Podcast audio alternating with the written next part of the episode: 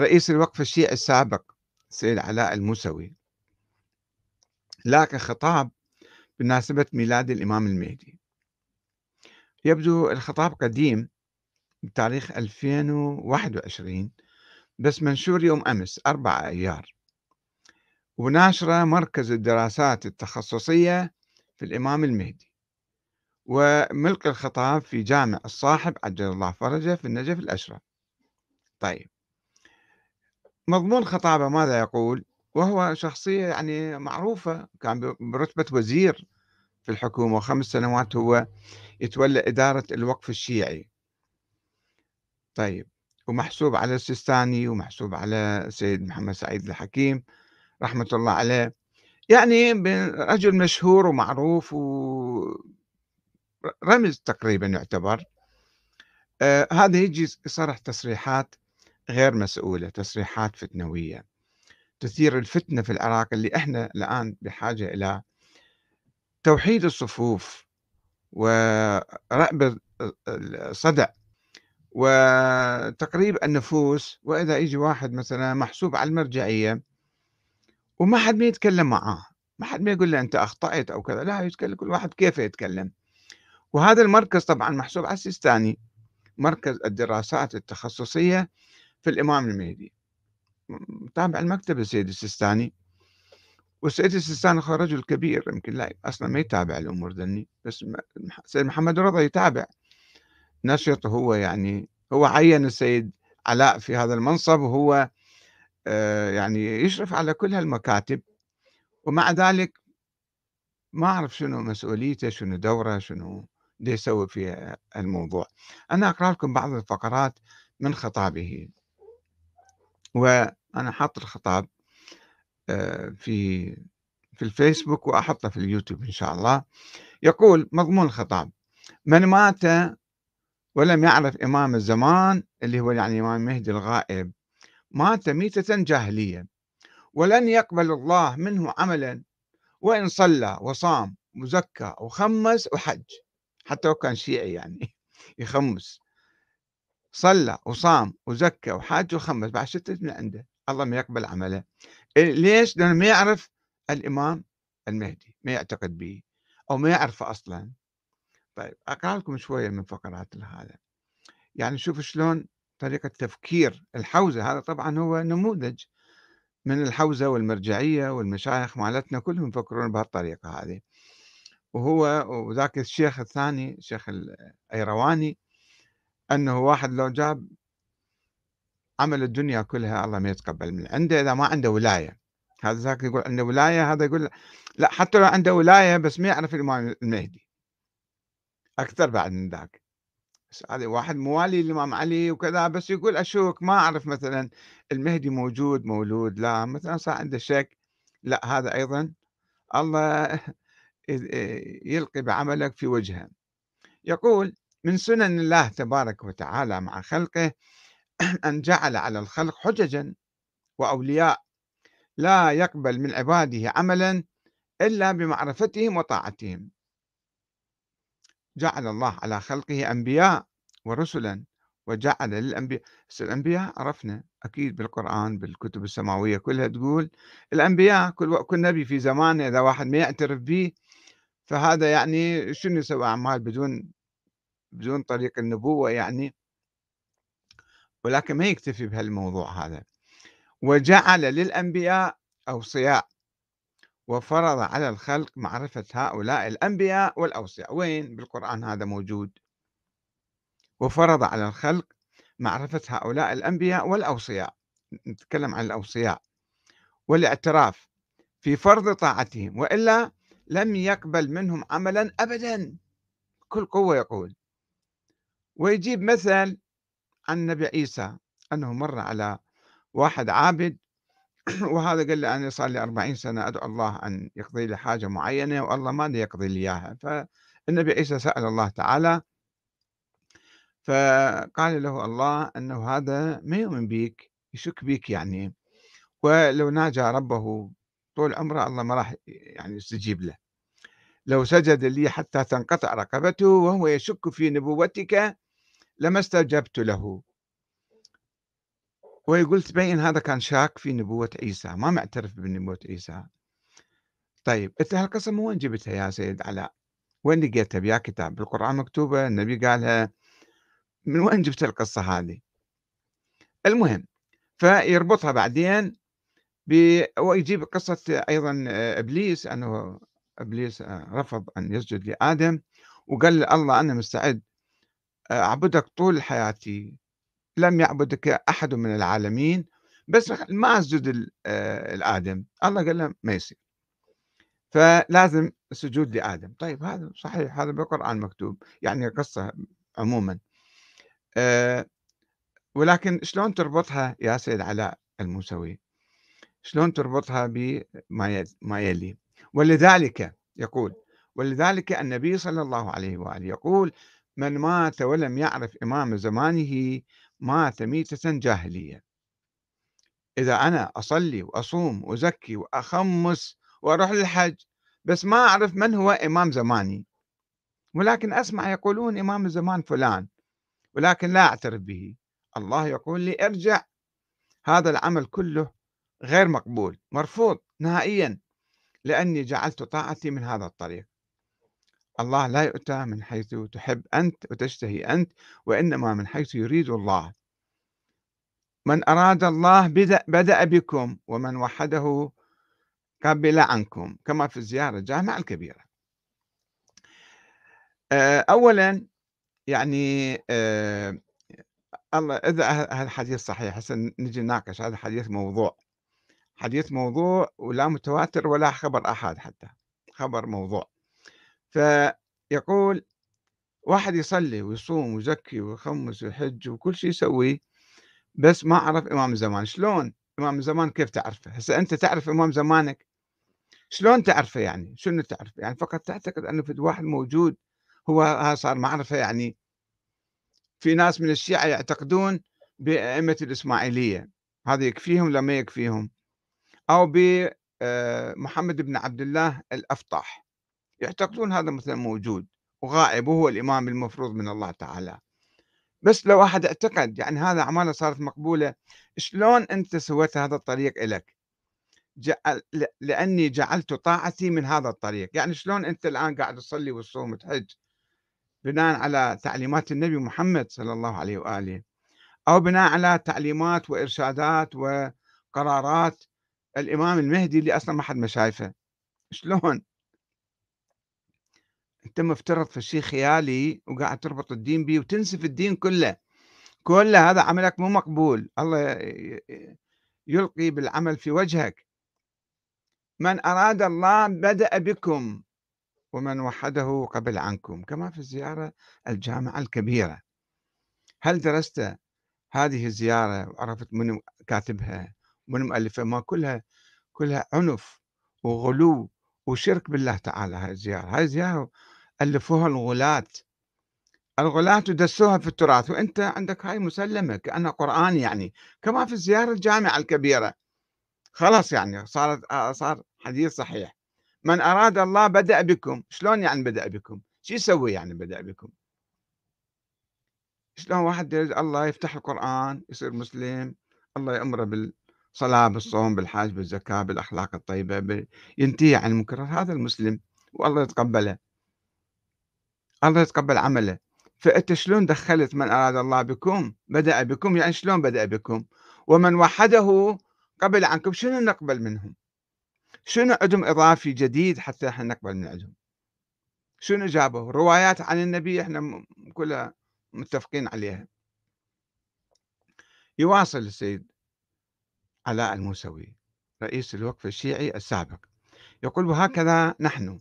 ينبغي أن نفهم جيدا أن معرفة إمامنا معرفة إمامنا إمام زماننا هذه نعمة عظيمة. أن تكون أنت من الناس من الملايين في الأرض الذين يجهلون ربهم ويجهلون دينهم ولا يعرفون شيئا من شؤون دينهم. أنت وحدك يخاطب المستمعين يعني. أنت وحدك منهم تعرف دينك وتعرف نبيك وتعرف إمامك. هذه نعمة عظيمة. ولذلك الإمام الصادق عليه السلام يوصي زرارة. أحد أصحابه يقول لزرارة اقرأ هذا الدعاء. اللهم عرفني نفسك فإنك إن لم تعرفني نفسك لم أعرف نبيك. اللهم عرفني رسولك فإنك إن لم تعرفني رسولك لم أعرف حجتك. اللهم عرفني حجتك فإنك إن لم تعرفني حجتك ضللت عن ديني. هسه الآن أنت يا سيد علاء تعرف حجتك من هو؟ مو في الشيء بالوهم لا بالحقيقة شلون تتعامل وياه؟ شلون تاخذ دينك من عنده؟ شلون أنت تعتقد أنه تختلف عن الناس الآخرين اللي ما يؤمنون؟ إذا هم يصلون ويصومون يحجون يزكون وما سائلين عن الموضوع ماكو واحد يقول لهم أنا حجة الله. إذا ماكو واحد يقول لهم أنا حجة الله أنت شلون قاعد تفترض هذا حجة الله؟ اللهم لا تمتني ميتة جاهلية ولا تزغ قلبي بعد إذا هديتني.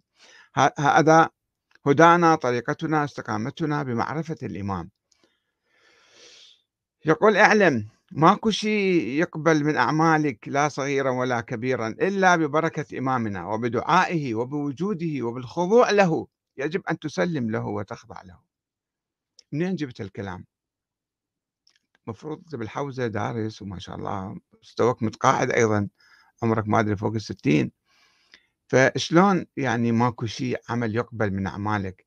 من وين جبت الكلام هالبدع هذه منين جبتها الربط وبعدين مو بس مو بس الإمام المهدي لا لازم تقلد المرجع. لازم تقلد المرجع وإذا ما قلدت المرجع أعمالك كلها باطلة تصير. فرجعنا مو قصة الإمام قصة أنه وصلنا للمرجع وهذا المرجع الراد عليهم كالراد علينا والراد علي علينا كالراد على الله. والراد على الله على حد الشرك بالله.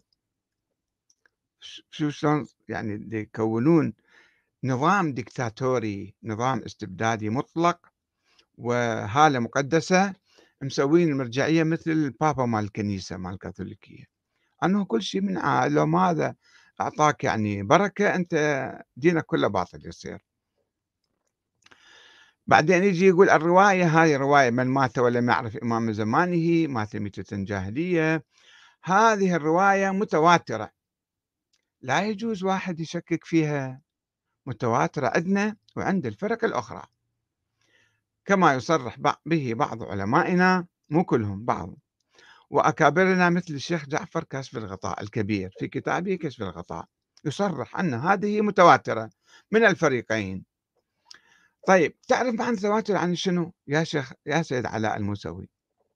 روح اقرأ كتب الشيخ المفيد يعرف لك التواتر. التواتر يقول له واحد جاب مليون رواية ألف ألف رواية على حد تعبيره. ما, ما, ما يصير تواتر. التواتر لازم يجيب الألم والقطع. والقطع إذا قطعت يصير تواتر إذا ما قطع إذا ظليت تشك بيها ورواية مشكوك فيها مجهولة منو يعني إمام زماني؟ غامض في خمسين إمام زمان عندنا الآن في العالم الإسلامي مثلا. فياهو إمام الزمان. منو؟ الشيعة الاثنى عشرية المهدي الغائب لو, لو مثلا الزيدية لو الإسماعيلية والإسماعيلية النزارية لو المستعلية. كل واحد عنده إمام أئمة حاضرين وأئمة غايبين. فتعرف إمام زمانك منو يعني؟ شلون الله يربط الدين ويقول لك راح تموت ميتة جاهلية إذا ما عرفت إمام زمان؟ وما عرفنا منه هو إمام زمان. والحسن العسكري توفى وقال أنا ما عندي ولد. شلون إحنا خلقنا له ولد وقلنا هذا هو الإمام؟ وإذا ما تعتقد به تصير كافر على قول الشيخ المفيد وعلى قول السيد علاء الموسوي أيضا أنت راح تصير أعمالك كلها تبطل بعد ما الله ما يتقبل عندك أي عمل. و الرواية المتواترة لازم مو الآن تقول مشهورة عند الفريقين. لازم تشوف كل الطبقات. أول من روى هاي الرواية منه عبد الله بن عمر. عبد الله بن عمر بعد ما اجى الحجاج قضى على دولة ابن الزبير عبد الله بن الزبير وجاء للمدينة. فعبد الله بن عمر كان خايف. اجى نص الليل دق عليه الباب قال له أنا أريد أبايع. شنو تريد؟ اريد ابايعك ليش جاي بالوقت هذا بنص الليل؟ قال له مو أنا ذكرت في الحديث يقول من مات ولم يعرف إمام زمانه أو ليس في رقبته بيعة مات ميتة جاهلية. هو عبد الله بن عمر ما بايع الإمام علي. الإمام علي تركه ما تذكر هذا الحديث في زمن الإمام علي. ذكر متى؟ زمن الحجاج. خايف دي يرجف جاي نص الليل. فالحجاج مالتين قال له أنا مشغول. مد له رجله. مد له رجله قال له بايع رجلي. أنا ما أعطيك إيدي احتقره يعني. فهاي الرواية هاي الرواية صارت متواترة. شلون متواترة؟ إذا واحد يرويها وهو مشكوك فيه. هو هو ما طبقها. فبعدين منو الإمام الثابت؟ منين تثبت الائمه أساسا؟ حتى تقول لي ذولا هم الله الناس عليهم. دارس نظرية الإمامة؟ أكيد ما دارسها. ما تعرف شلون صاروا الأئمة واحد بعد واحد. أكو نصوص على الائمه واحد واحد؟ أكو قائمة مسبقة بأسماء الأئمة؟ ليش الأئمة نفسهم ما كانوا يعرفون نفسهم هم راح يصيرون أئمة إلا في آخر لحظة كما يقولون. والإمام السابق ما يعرف اللاحق منه راح يصير إلا في آخر لحظة. كما يقول الكافي. كل عين في الكافي؟ الإمام زين العابدين هل يوجد عليه نص من الله؟ هل توجد عليه وصية؟ كيف تثبت إمامة زين العابدين حتى تثبت إمامة الباقر والصادق والكاظم وكذا؟ توصل الإمام مهدي اللي أصلا ما موجود ولا مولود. ما باحث أنت والحوزة كلهم يبحثوا مو بس أنت يعني. وبعدين تجي تكفر الناس وكل أعمالكم باطلة وبهالشجاعة وبهالقوة تتكلم. وتسوي فتنة بالبلد. وتقول أنا هذا حديث لأنه مروي عند الشيعه وعند إيش وقت مروي؟ ويا كتاب وين؟ ومتى؟ هذا البحث العلمي. مركز الدراسات التخصصية. لازم شوية يحقق يدقق بهالروايات. مو يجيب خبط لزق كما يقولون ويسوي فكر ويسوي ثقافة ويسوي ثقافة طائفية. مع الأسف الشديد.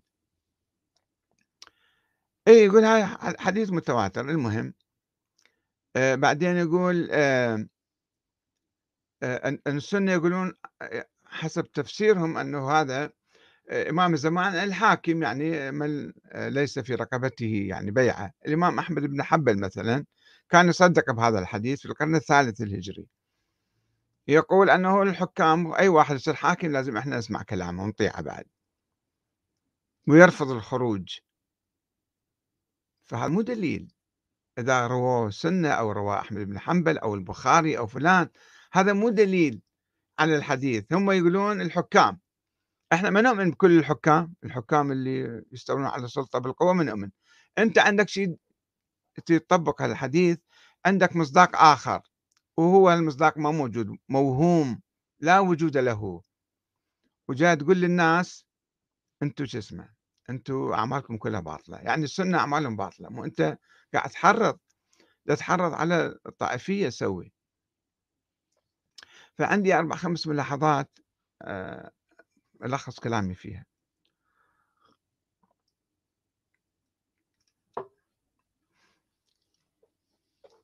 السيد علاء الموسوي يفترض هو والمرجعية من ورائه. يفترض وجود أوصياء وحجج على المسلمين بعد النبي محمد. هذا شنو دليلك؟ ما عنده أي دليل. يفترض وجود إمام زمان وأنه محمد بن الحسن العسكري وأنه حي لم يمت منذ 1200 سنة. أيضا بدون دليل مجرد افتراضات وهمية. يفترض أنه هذا الشخص هو إمام المسلمين اليوم. ويقول يجب معرفته وطاعته والخضوع له. دون أن يشرح كيف يمكن طاعة إمام غائب لا أثر له في الحياة. ما شلون تطيعه يعني؟ شلون تخضع له؟ شلون تطيعه شلون تسمع كلام؟ شلون عبر طريقة تمر إلى الله مثلا؟ بس كلمتين ثلاثة وخلص ويهرب بعدين. يقول المساوي أن حديث من مات وهو لا يعرف إمام زمانه متواتر. وأنه متواتر عند الفريقين. وهو أيضا قلنا شرحنا هذا الموضوع. آه ثم يعتمد على فقرة في زيارة الزيارة الجامعة الكبيرة. ويبني عقيدته على هذه الفقرة. أنه هو أي واحد لازم يبدأ بهم مثلا. ولا يدري ماذا يعني ولا كيف يبدأ. من يريد الله بالأئمة شلون يبدأ بهم يعني؟ وهم غير موجودين الآن. والإمام الثاني عشر غائب على فرض وجوده منذ 1200 سنة. فكيف نبدأ فيهم؟ اشرحها فسرها شلون؟ ثم الكلمة الأخيرة ما هو رد الفعل الشيعي لو وقف رئيس الوقف السني مثلا وقال بأن أعمال الشيعة كلها باطلة ولن يتقبل الله منهم؟ لماذا؟ لأنهم لا يؤمنون بالشيخين مثلا أو الصحابة. مثلا شنو راح يكون رد الفعل الشعبي؟ مصر راح تصير آه، فتنة طائفية. فأنت يا سيد علاء قاعد تخلق فتنة طائفية وأنت مسؤول أمام الله. ولو في محكمة بالعراق محكمة نزيهة وعادلة ومستقلة ومحايدة كان أخذوك وحاكموك. إذا مجلس النواب ما يحاكمك أنت مجلس النواب كنت مسؤول ورفضت أن تجي إلى مجلس النواب حتى تجاوب على بعض الأعمال الإدارية اللي سويتها. الآن أنت قاعد تثير الفتنة والمحكمة وفي قوانين تشملك أنت قاعد تثير فتنة بكلامك هذا ولكن المحكمة تخاف منك وتخاف من المرجعية فما تقرب صوبكم.